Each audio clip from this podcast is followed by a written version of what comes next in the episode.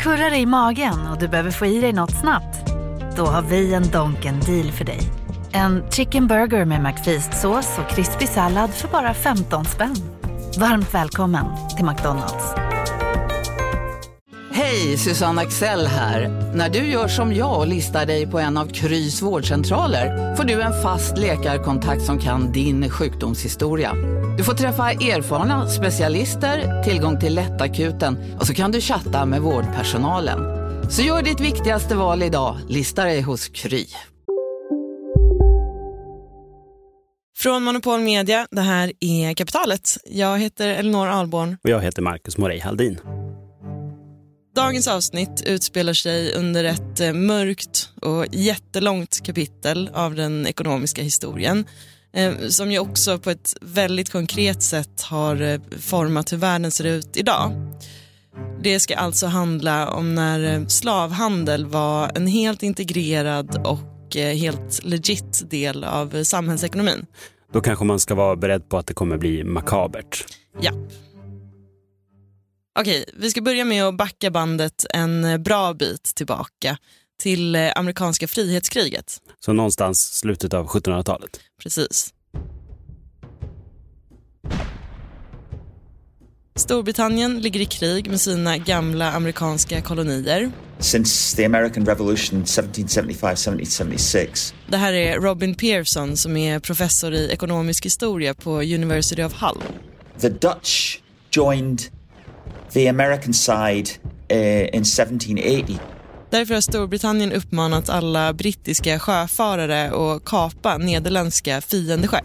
Uh, anywhere in the world, in the same way as they could seize French ships or American ships during wartime, and and then capture them as prizes. So these prizes would then be usually brought back to Britain and sold.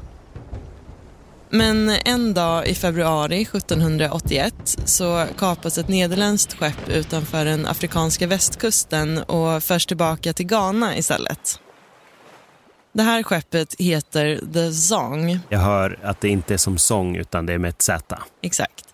Eh, och på det här skeppet så finns 244 personer som fångats för att säljas som slavar.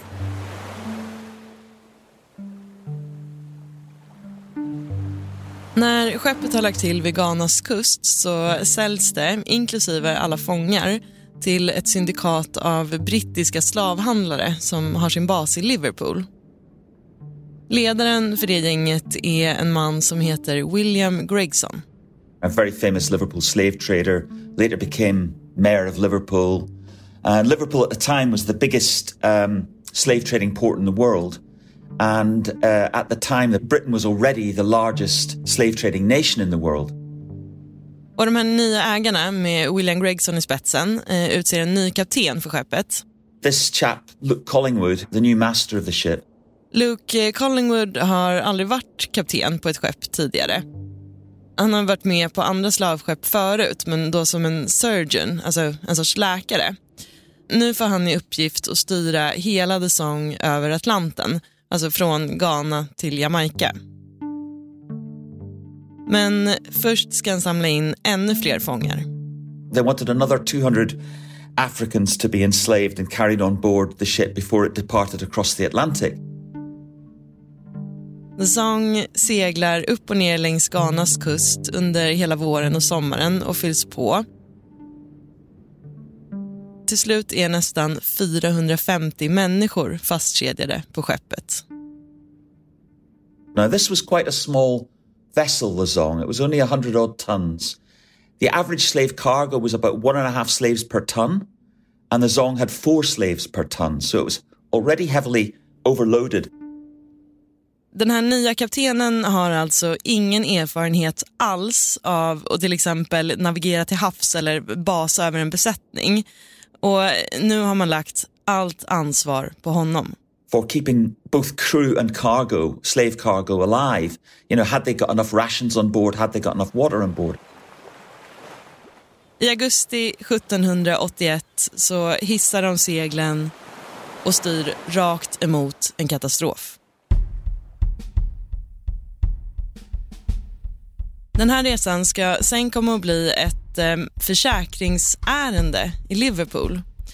En eh, på ett sätt ganska alldaglig dispyt mellan två slavhandlargäng som i sin tur ska komma att påverka hela slavhandelns historia.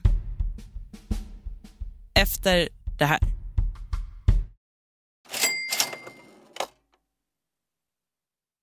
Kapitalet sponsras av SPP och Storebrand Asset Management. Eh, Storebrand och SPP hör ju ihop sedan många år och utan att gå in på några detaljer här och nu så kan vi i alla fall säga att eh, Storebrand förvaltar över 1200 miljarder kronor bland annat åt just SPP. Och du har ju träffat Storebrand, Jakob, och pratat om eh, Kina Ja, eh, vi, vi pratar i alla fall om hur Kina blivit en sån otroligt viktig del i omställningen av energisystemet. Eh, över 70 procent av värdekedjorna inom vind och solkraft kontrolleras av Kina, vilket mm. är otroligt när man tänker på det. Ja.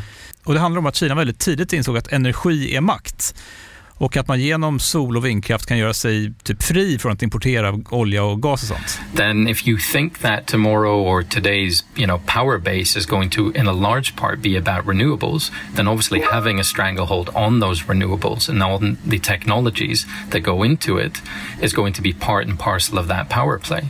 Eh, det här är då Philip Ripman som ansvarar för Storbrand Global Solutions, eh, en fond som investerar i lösningsbolag över hela världen. Mm.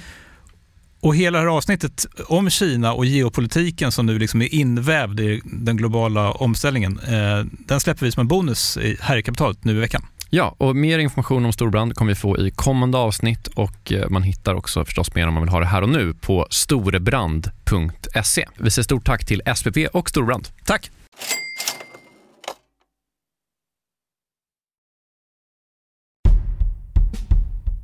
Det råder alltså krig mellan USA och Storbritannien och ett gäng allierade länder. Ja. Det nederländska skeppet The Song har då kapats av britter och nu ägs det av ett gäng slavhandlare från Liverpool. Yes. Det här skeppet ska då frakta slavar från Ghana till Jamaica och det styrs då av en helt oerfaren kapten och dessutom är det överlastat med nästan 450 slavar vilket är alltså tre, fyra gånger så många som man brukar ha på skepp av den här storleken. Mm.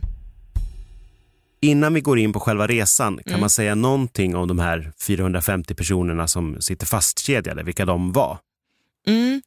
Eller egentligen nej, ehm, för ehm, det finns liksom inga identiteter dokumenterade, liksom vilka just de här personerna var.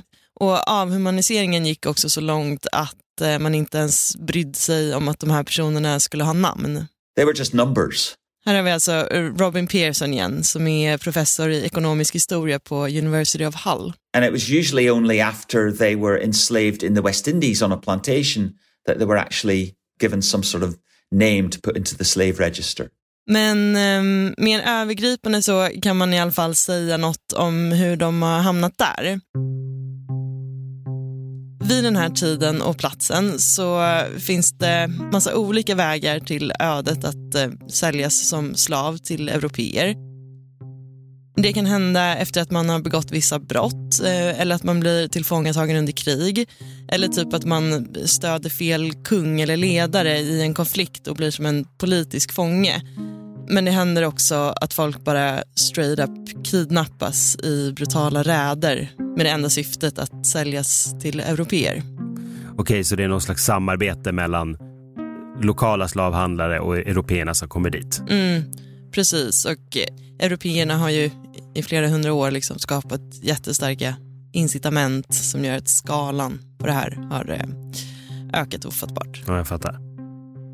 Och eh, förhållandena ombord på sådana här skepp är såklart de vidrigaste vidriga man kan tänka sig. Ehm, folk är fastkedjade hela tiden, förutom när besättningen tvingar upp dem på däck för att liksom tvångsträna dem en gång om dagen. Eh, och så är det mm, ja, de mest osanitära förutsättningarna man överhuvudtaget kan föreställa sig. Inga toaletter, otroligt mycket våld, sjukdomar, dåligt med mat och vatten och väldigt många dör på de här skeppen och det är också vanligt att folk börjar kastas över bord om de blir sjuka för att inte smitta andra. Okej, så det här är en mardrömsresa på alla sätt som dessutom kan pågå i månader. Mm. Och förutom allt det här så är det här skeppet dessutom helt överlastat och styrs av en oerfaren kapten. Mm. Men eh, trots det så går själva färden, alltså att liksom ta sig från punkt A till punkt B, eh, ganska bra för The Song. I alla fall till en början. It seems to have managed to avoid the doldrums, which is the big risk in, in mid-Atlantic, being caught in that central Atlantic area of water where you know there was no wind and ships were becalmed. The Song klarar sig över Atlanten på några månader och sent i november har de land i sikte. De kan se Jamaicas hamn genom kikaren. Och där hade faktiskt resan kunnat vara klar. Men istället så begår då, vad det verkar som, den här oerfarna kaptenen, Luke Collingwood, ett stort misstag.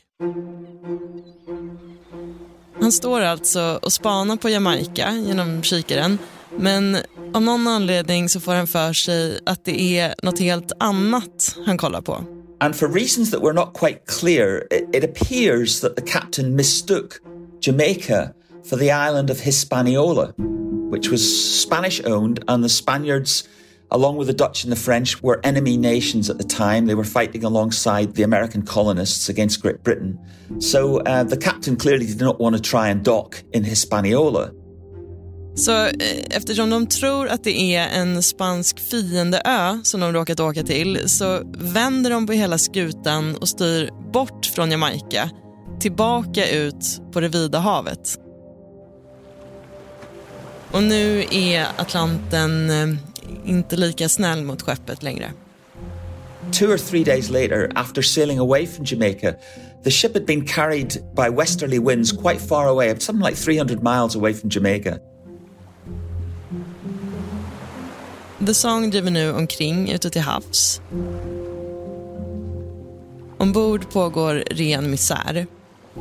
62 slavar och flera i besättningen har redan dött av eh, sjukdomar och undernäring och olyckor. Crewet inser att de har navigerat helt fel och börjar räkna på hur mycket förnödenheter de har kvar. According to witnesses, they discovered that they'd only got about four days worth of water left, rations of water left, for what would have been probably a 10 or 12 day journey back to Jamaica. Så de har alltså vatten för fyra dagar, men de är tolv dagar från Jamaica. Mm. Vilken jäkla panik. At that point, the Collingwood, the captain, appears to have had a meeting with his crew and his officers anyway, and they decided that they would throw overboard some a portion of the cargo, some of the slaves, in order to reduce the amount of pressure on the on the water rations. So over a period of three days, they took uh, in batches of thirty to fifty. They took um, handcuffed or chained slaves and they threw them overboard. De börjar med att kasta kvinnor och barn på första dagen. Through the cabin windows. Och sen fortsätter de med en massaker som pågår i flera dagar. On the second day, they threw another 30 odd male African slaves overboard from the quarter deck, and the same happened on the third day as well. And altogether, about it's it's calculated about 132 Africans were thrown into the sea alive. Apparently, another 10 Africans committed suicide at the time by throwing themselves voluntarily, so to speak, into the water as well. So the total losses was about 142 Africans, not just the 132 that were, you know, physically thrown overboard by the by the crew. Det här går ju knappt att lyssna på. Mm. Det är ju som att det är helvetet på jorden verkligen. Mm. Men efter det här då? Vad händer då? För att vi har ju hört att det fanns någon slags vittnen, så jag antar att de tog sig i land. Mm. Eh, det är faktiskt lite oklart eh, exakt vad som hände sen.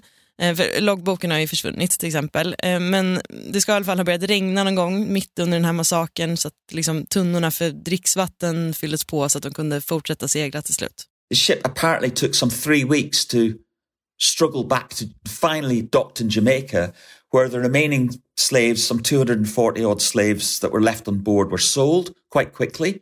The captain then died. He'd been ill for most of the journey. He died within a week of them docking in, in Jamaica. Och sen efter det här så seglas skeppet hem till eh, ägarna i Storbritannien. Back to, to Liverpool, arriving there sort of late the following, uh, early the following year.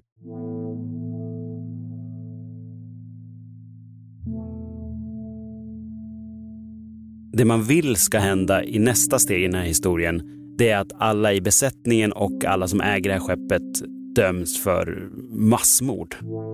Ja, men det som händer är istället det här.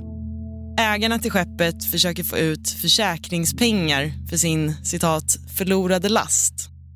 Pretty much as soon as the ship got back to Liverpool, the ship owners, the syndicate led by William Gregson, applied to the underwriters to have the losses reimbursed under the insurance claim. De tycker alltså att de ska få pengar för det här, inte att de ska straffas. Japp. Men eh, deras underwriters, alltså försäkringsgivare, är inte helt säkra på att de verkligen har rätt till det i det här fallet. Så de vill inte betala och tar hela försäkringsdispyten till domstol. Och Det är här historien om The Song kommer skriva in sig i eh, hela världshistorien. Men för att fatta alla liksom, eh, turerna i den här eh, massakern som blir ett försäkringsärende så ska vi först gå in lite på hur själva försäkringssystemet runt omkring ser ut. Och Grejen är att det är typ att fatta hur hela försäkringsbranschen ser ut för att marin försäkring är liksom grunden för alla försäkringar.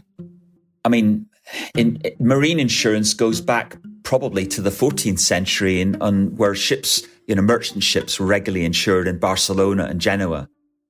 Man kan ändå fatta att allt typ började med just skepp. Alltså man har ju ändå åkt över världshaven i grejer byggda av trä och det måste funnits massa risk i det. Exakt. Det har alltid funnits hur mycket som helst som kan gå snett. Alltså sjukdomar, pirater, stormar, myterier, skeppsbrott. Men samtidigt så har det också varit liksom det enda sättet att eh, flytta på grejer mm. över jorden. Och därmed så har ju affärsmän genom historien också insett att man kan ju tjäna pengar på de här riskerna kan man säga. Och eh, därför så har liksom hela grunden till hur försäkringssystemet ser ut idag uppstått till havs. Marine insurance was the kind of the original form of insurance and a lot of insurance law derives from marine insurance cases as opposed to fire or life insurance. Så på 1700-talet när sångmassakern äger rum så är marina försäkringar alltså redan en superetablerad, förfinad jättebusiness. Very much so. I mean, we think there were probably several hundred people operating as underwriters in London in the early 18th century. Och slavhandeln sticker liksom inte ut på något sätt här. Slave ship insurance was very much routine, you know, very much part of the wider spectrum of marine insurance. It wasn't something that was kind of unusual or, uh, you know, required its own specific rules. Sjukt nog så blir de som vilken vara som helst. Mm. Och eh, Mycket av det här äger alltså rum i Liverpool. Eh, för där har liksom stora delar av den brittiska slavhandeln sin bas.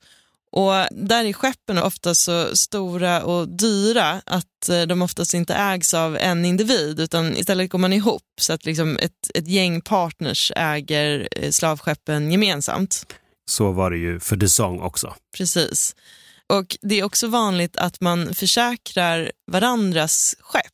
So most Liverpool ships would be insured by syndicates of underwriters, so people coming together to insure, uh, you know, a neighbor's ship or a, a friend's ship. Okej, okay, så ett gäng kan både gemensamt äga ett skepp men också försäkra ett annat skepp. Exakt, så det är liksom inte försäkringsbolag som försäkrar slavskepp vanligtvis utan det är liksom andra gäng av slavhandlare.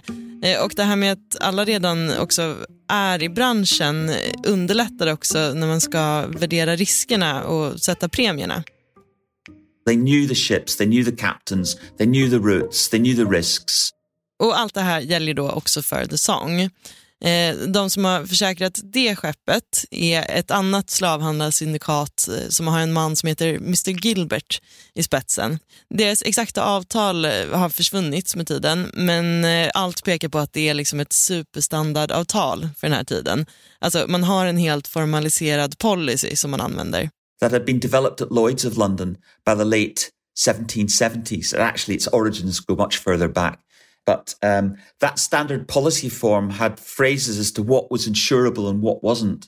Och ehm, Det som man i regel ska få ut försäkringspengar på är skeppsbrott, storms, slavuppror, damage to ships and cargoes by taking in water, eller att en fiende kapar ens skepp. Which is why during wartime that insurance rates doubled usually on these ocean voyages because there was obviously a higher risk of ships being seized by other nations. Alla de här riskerna brukar sammanfattas som the perils of the sea, alltså typ havets faror. Och det är alltså det som de som äger The Song vill ha ersättning för nu? Exakt. Det är mot den bakgrunden som Sångmassakern nu ska upp i domstol. På ena sidan har vi alltså The Songs ägare med William Gregson i spetsen de vill ha ut försäkringspengar för att de tycker att de inte hade något annat val än att eh, kasta lasten över bord. Eller det som egentligen hände, de mördade 140 personer. Precis, om vi ska tala klarspråk. Eh, på andra sidan har vi det andra slavhandlarsyndikatet ledda av eh, Mr Gilbert. Alltså de som har försäkrat skeppet och inte tycker att de ska behöva betala ut några försäkringspengar i det här fallet. Så det blir Gregson versus Gilbert? Yes. En eh, från början ganska alldaglig försäkringstvist som ska få stora konsekvenser. Efter det här.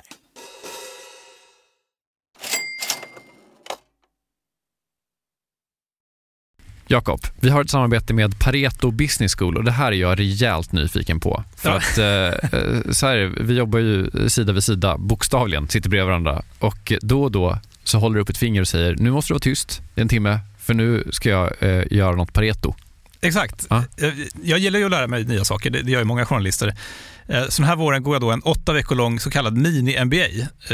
Alltså jag hade gärna gått en riktig MBA också, men, men ja, inte tiden det kräver och, och framförallt ingen arbetsgivare som vill betala 800 000 för att låta mig göra det. Nej, eller kanske du har. Du är ju arbetsgivaren. ja, snål, snål arbetsgivare. Mm. Eh, eh, det är då Jens Bäckbom och Mattias Eklöf, två svenska entreprenörer som har skapat den här utbildningen just eftersom det finns ett gigantiskt hål mellan typ YouTube-filmer och en, en riktig MBA. Ja, och det här är då Pareto? Exakt, Pareto MBA. Eh, Paretos utbildning kostar cirka 25 000 kronor och, och, under åtta veckor så lär man sig jättepraktiska och tillämpbara modeller för hur man startar, skalar upp, driver och säljer bolag. Eh, Jens och Mattias eh, de håller själva i många föreläsningar, de är garvade entreprenörer båda två. Mm. Och så man så olika gästföreläsare som kom in. Mm. Typ någon kille som, som, eh, var expansionschef på Spotify, någon som körde marknadsföring på Revolut, eh, en kille som driver Sveriges största campingkedja, mm. som har varit med i kapitalet faktiskt, okay. Johan Sör. Ja. Ah, just det. Också varit en helt otrolig svensk eh, entreprenör som byggt massor med grejer i Vietnam. Alltså makalösa berättelser. Oh, wow. Eh, så den här kursen består av en blandning förinspelade moment och seminarier, men man går också i då så kohorter tillsammans med andra deltagare från Sverige och utlandet. Jättenyttigt, eh, tidseffektivt och funkar jättebra för, för den som vill driva egen verksamhet som, som typ vi gör här. Eller om man typ driver projekt och affärer i större bolag. Wow. Om man är taggad på att eh, bli en del av den här, liksom, vad ska man säga, Jakob skolan om man vill bli som dig, lära sig lika mycket som, som du har lärt dig, vad, ja. vad gör man då? Eh, nästa kursstart är 5 april, så vill man ta ett kliv framåt i sin utveckling eller karriären eller så, gå då till arbetsgivaren och kolla om du inte kan gå den här utbildningen. Priset ligger alltså på 2500 euro, men ni får 10% rabatt om ni anger Monopol Media som referens när ni eh, gör er anmälan. Mm. Eh, man kan också gå in på paretoschool.com för att eh, läsa mer och ja, se lite smakprover från själva utbildningen. Då. Mm. Så att eh, man sparar jättemycket pengar för att gå Handels MBA och man sparar ytterligare pengar om man tar del av eh, Monopol Media-erbjudandet. Ja, exakt. Ja, en no-brainer som vanligt. Mm. Plus att man blir ju eh, alumnkollega med mig då. Verkligen. Så stort, stort tack till eh, Pareto Business School och eh, gå in på paretoschool.com.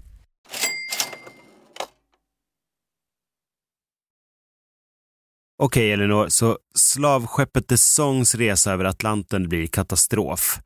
Besättningen mördar runt 140 förslavade personer och två år senare så ska fallet upp i rätten, men inte som en massmordsrättegång utan som en försäkringsdispyt. Mm.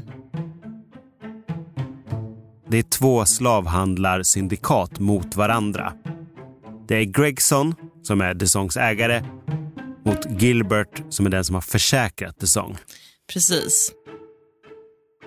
De möts eh, först inför en jury i The Guildhall i London 1783. Eh, båda sidor presenterar sitt case, men eh, det är väldigt ont om dokumentation och bevis från den här resan. There was only one witness who was one of the um, Englishmen on board, uh, acted as witness at the trial. And I mean, the, the captain was dead, so he couldn't testify at the trial. Och skeppets loggbok har ju också försvunnit. Och själva slavarna, dels så har väl de redan sålts vidare och är på andra sidan jorden. Och dels kan jag tänka mig att de inte ens var myndiga personer som kunde få vittna i en domstol. Precis, alltså de har väl liksom försvunnit bort i registren. Alltså, de hade inte ens namn på det här skeppet. Och eh, det är i alla fall ingen av dem som kallas som vittnen nu. Så eh, de som äger skeppet argumenterar alltså för att de har varit tvungna att döda alla de här människorna eh, på grund av sjönöd. Men försäkringsgivarsidan håller inte med.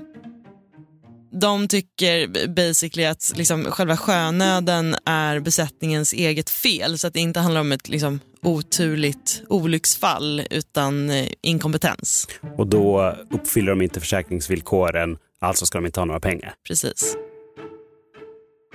Men i den första vändan i rätten så får Gregson-sidan rätt.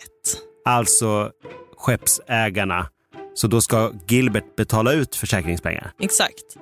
Men eh, Gilbert-sidan överklagar det på en gång med hänvisning till att det finns otroligt lite bevis, eh, så de kräver en ny rättegång. Och då hålls en hearing, alltså en process som är till för att avgöra om det ska bli en retrial, alltså en ny riktig rättegång. Och den här hearingen hålls några månader senare.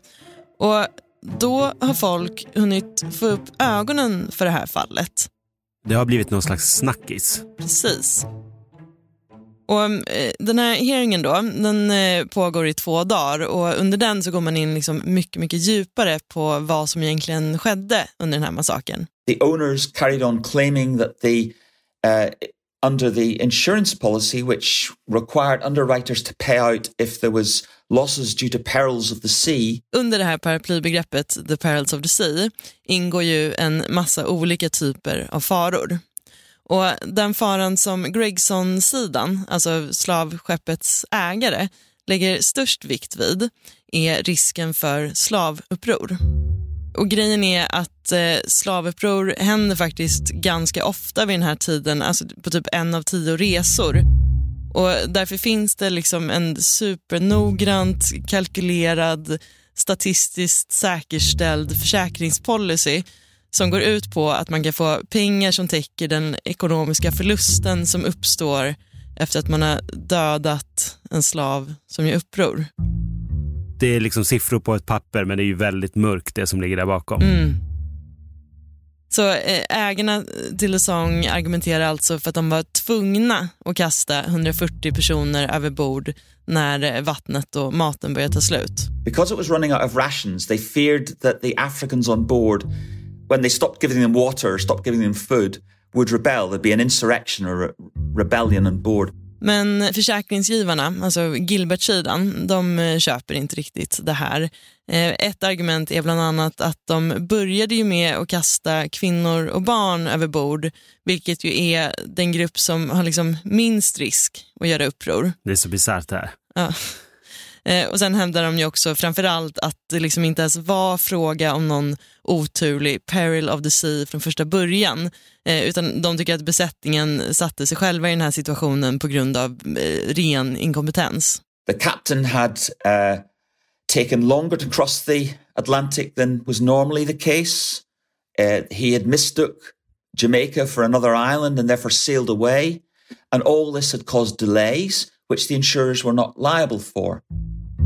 And eventually, that's what the uh, after a couple of days of this hearing, that's what the judges concluded that the underwriters weren't liable, um, that there was a case for a retrial. Det som hände sen är att eh, Gilbert-sidan alltså vinner sin överklagan. Eh, och Det betyder att det ska bli en ny riktig rättegång. Men eh, sen äger den rättegången aldrig rum för det är typ ingen som orkar fullfölja. Och, så I slutändan så betalas inga pengar ut och eh, allt rinner ut i sanden eh, med, med själva den här försäkringsdispyten. Men den här hearingen kommer att bli en jättegrej utanför rättssalarna. För samtidigt som det här pågår så har det också börjat röra på sig i samhället. Eh, I en väldigt liten grupp eh, måste man nog säga om man ser till samhället i stort. Eh, men i alla fall så har liksom idén om att slavhandel är omänskligt börjat få fäste och föras fram av en grupp aktivister som får allt större inflytande. En av dem heter Granville Sharp.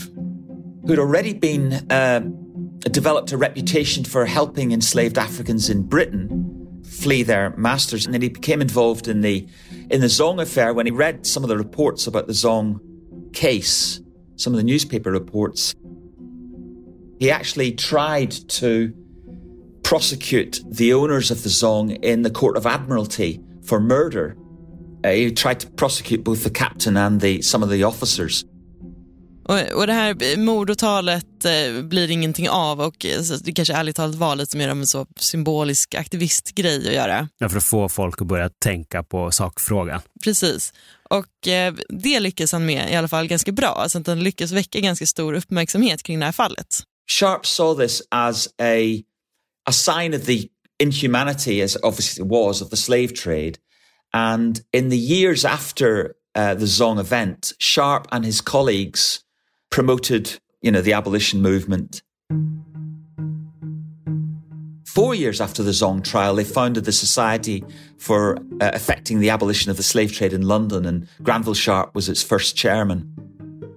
So this was a society that um, promoted abolition through the 1780s, 1790s, and eventually achieved the abolition of the British slave trade through an act of parliament in 1807. Så eh, fallet kring sångmassakern blir ett sånt cause eh, celebre för eh, abolitionisterna. Alltså ett sånt liksom, supersymboliskt fall som väcker jättestarka känslor och eh, blir politik. Alltså typ som Roe vs Wade är för aborträtten i USA. Precis, och många menar till och med att det här var liksom världens första sådana fall. Alltså få den rollen Exakt. i debatten. Mm. Så eh, till slut så förbjuds ju alltså slavhandel i Storbritannien drygt 20 år efter det här eh, rättsfallet. Och eh, kanske hade det inte gått till exakt på det sättet om inte Gilbert och hans partners hade vägrat betala ut försäkringspengar från första början. It was an accelerator, it was a catalyst for the abolition movement. So possibly the Abolition Act would have been postponed or delayed had it not been for the Zong affair. Alltså, det blir så bisarrt när man tänker att hela det här cyniska försäkringsärendet där de som drabbades är helt osynliga ändå kan ha lett till något bra. Mm. Sen är ju alltid historien liksom superkomplicerad och det går aldrig att dra en liksom rak linje mellan alltså orsak och verkan i efterhand. Eh, och eh, den här lagen som kom 1807 förbjöd egentligen bara slavhandel Eh, slaveri i sig var tillåtet ända till 1833. Eh, Men eh, det är i alla fall hur eh, sångmassakern skriver in sig i den liksom stora samhällshistorien. Eh, men det sker liksom lite parallellt och, och, i ett lite längre perspektiv. Även om man i och för sig kan tycka att 20 år är en ganska kort tid för ett så liksom stort skifte i så allmän moral och diskurs. Ja, om man tänker på hur länge slavhandeln höll på. Exakt.